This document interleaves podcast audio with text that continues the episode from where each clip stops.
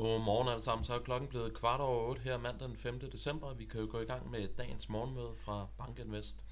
Hopper vi til slide nummer 2, jamen, så skal jeg først og fremmest gøre reklame for et indlæg, vi får på her i eftermiddag klokken øh, 2, hvor at øh, Per Olsen han vil komme på og give en update på BI Boligejendommen. Så endelig ring ind her i eftermiddag, hvor vi får en, en update. Det skal også lige bemærkes, at vi også får øh, Peter Winter på øh, fra Colliers, som også kommer til at give en, en update på den her øh, valuarvurdering, som vi har fået set her over det seneste par dage. Ind eller efter, at jeg er gået igennem de her slides, jamen der får vi Niels Andersen på, og han vil give en update på de danske aktier. Og det betyder altså, at jeg relativt hurtigt vil gå igennem de slides, jeg har omkring markedet for i fredags. Så hvad var det, der dominerede i fredags? Jamen først og fremmest så var det jo den amerikanske jobrapport. Vi så en beskæftigelsesvækst, der var højere end det, som analytikerne forventede. Vi så en løninflation, der var højere end hvad analytikerne forventede. Og det medførte altså, at vi så en reaktion umiddelbart, hvor aktier faldt meget, meget kraftigt. Men når dagen ligesom begyndte at, at bevæge sig henad, og vi så, at øh, det europæiske marked lukkede, jamen så så vi, at mange af de her fald, det blev faktisk vendt til stigninger. Og ser vi for renten, jamen så så vi altså, at rentestigningen, det også endte faktisk med at blive vendt til et rentefald, i hvert fald ude i den lange ende af rentekurven. Det illustrerer altså for os, at vi er i et marked, der stadigvæk er drevet af sentiment og positionering. For alt andet lige, så var den arbejdsmarkedsrapport altså hawkish, forstået på den måde, at den ikke tager presset af den amerikanske centralbank. Vi så også, at rentekurven for USA, jamen, den inviterede det meste, som den overhovedet har været op igennem 2022. Og det illustrerede altså et obligationsmarked, der i den grad ikke, øh, hvis ikke skriger, så i hvert fald råber, øh, at en recession den er, den er kommende. Til trods for dette, jamen, så så vi, at VIX-indekset det faldt under 20, og det er jo en illustration på, at det går relativt godt på aktiemarkedet, som vi er også meget bevidst om med de indeksstigninger, vi har været vidne til. Hopper vi til slide nummer 5, jamen, så viser intraday-udviklingen øh, figuren øverst til venstre, jamen, det viser intraday-udviklingen i den amerikanske S&P 500 Future, og figuren nederst til højre, jamen, det viser udviklingen i den amerikanske 10-årige rente.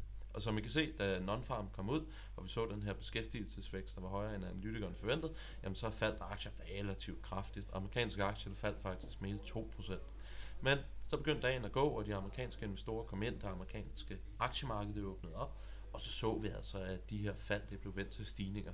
Og det var lidt den samme bevægelse, vi så i obligationsmarkedet, hvor den initiale meget, meget kraftige rentestigning, det blev vendt til et rentefald. Ser vi på beskæftigelsesrapporten, jamen, så er det så tredje måned i træk, hvor vi ser, at beskæftigelsen kommer ud højere end, end hvad analytikerne har forventet. Vi ligger altså i det her range mellem 250 til 300.000 i en månedlig beskæftigelsesvækst, og det er altså noget højere end det, som det er indikeret af noget af de ledende indikatorer, hvor vi både for forbrugeren, men også for virksomhederne har set en lidt afmatning i, i hvert fald deres øh, opfattelse af den beskæftigelsesvækst, som vi ser i den amerikanske økonomi. Måske endnu mere bekymrende, det er figuren nederst til højre, og det viser altså en tre måneder, eller den tre månedlige øh, løninflation annualiseret, og den viser altså, at løninflationen den er på vej op igen for USA, og det er jo altså det sidste, som den amerikanske centralbank ønsker at se. Altså at vi kan muligvis er på vej ind i sådan en periode, hvor vi begynder at se sådan en løninflationsspiral. Så ikke et godt tal i hvert fald, hvis man er en amerikansk centralbank, og man forsøger at få inflationen øh, under kontrol. Hopper vi til slide nummer 7, jamen så viser jeg altså bare udviklingen i den amerikanske rentekurve målt ved 2.10 punkter. Og som I kan se, så er vi altså det mest inverterede siden 1980, og faktisk det mest inverterede, vi har været op igennem 2022. Så det er altså en meget, meget kraftig invertering, vi ser i øjeblikket, og som sagt, så er det jo en indikation på, at obligationsmarkedet det siger, at en recession den er kommet. Til trods for, for den dårligdom, kan man sige, jamen, så så vi, at VIX-indekset, altså frygtindekset for det amerikanske aktiemarked, den faldt under 20, og vi ligger nu faktisk på det laveste niveau siden april måned, hvor vi lige var kommet ud i det her bounce, efter vi havde set krigen blev initieret i Ukraine. Så i hvert fald et øh, aggregeret aktiemarked, som i hvert fald må vi VIX-indekset, ikke i den grad frygter den recession, som obligationsmarkedet siger er kommende. Nå, hvad skal vi fokusere på i dag? Jamen, øh, af store nøgletal, der får vi SEM Services, så får vi også noget revision til SP Global PMIs, det er de gamle market PMIs.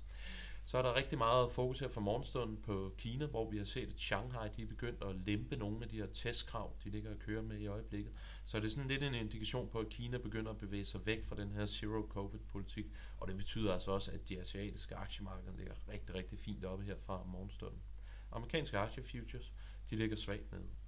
Med den korte introduktion, jamen, så vil jeg overlade ord til dig, Niels, hvis du kan tage over slidesene.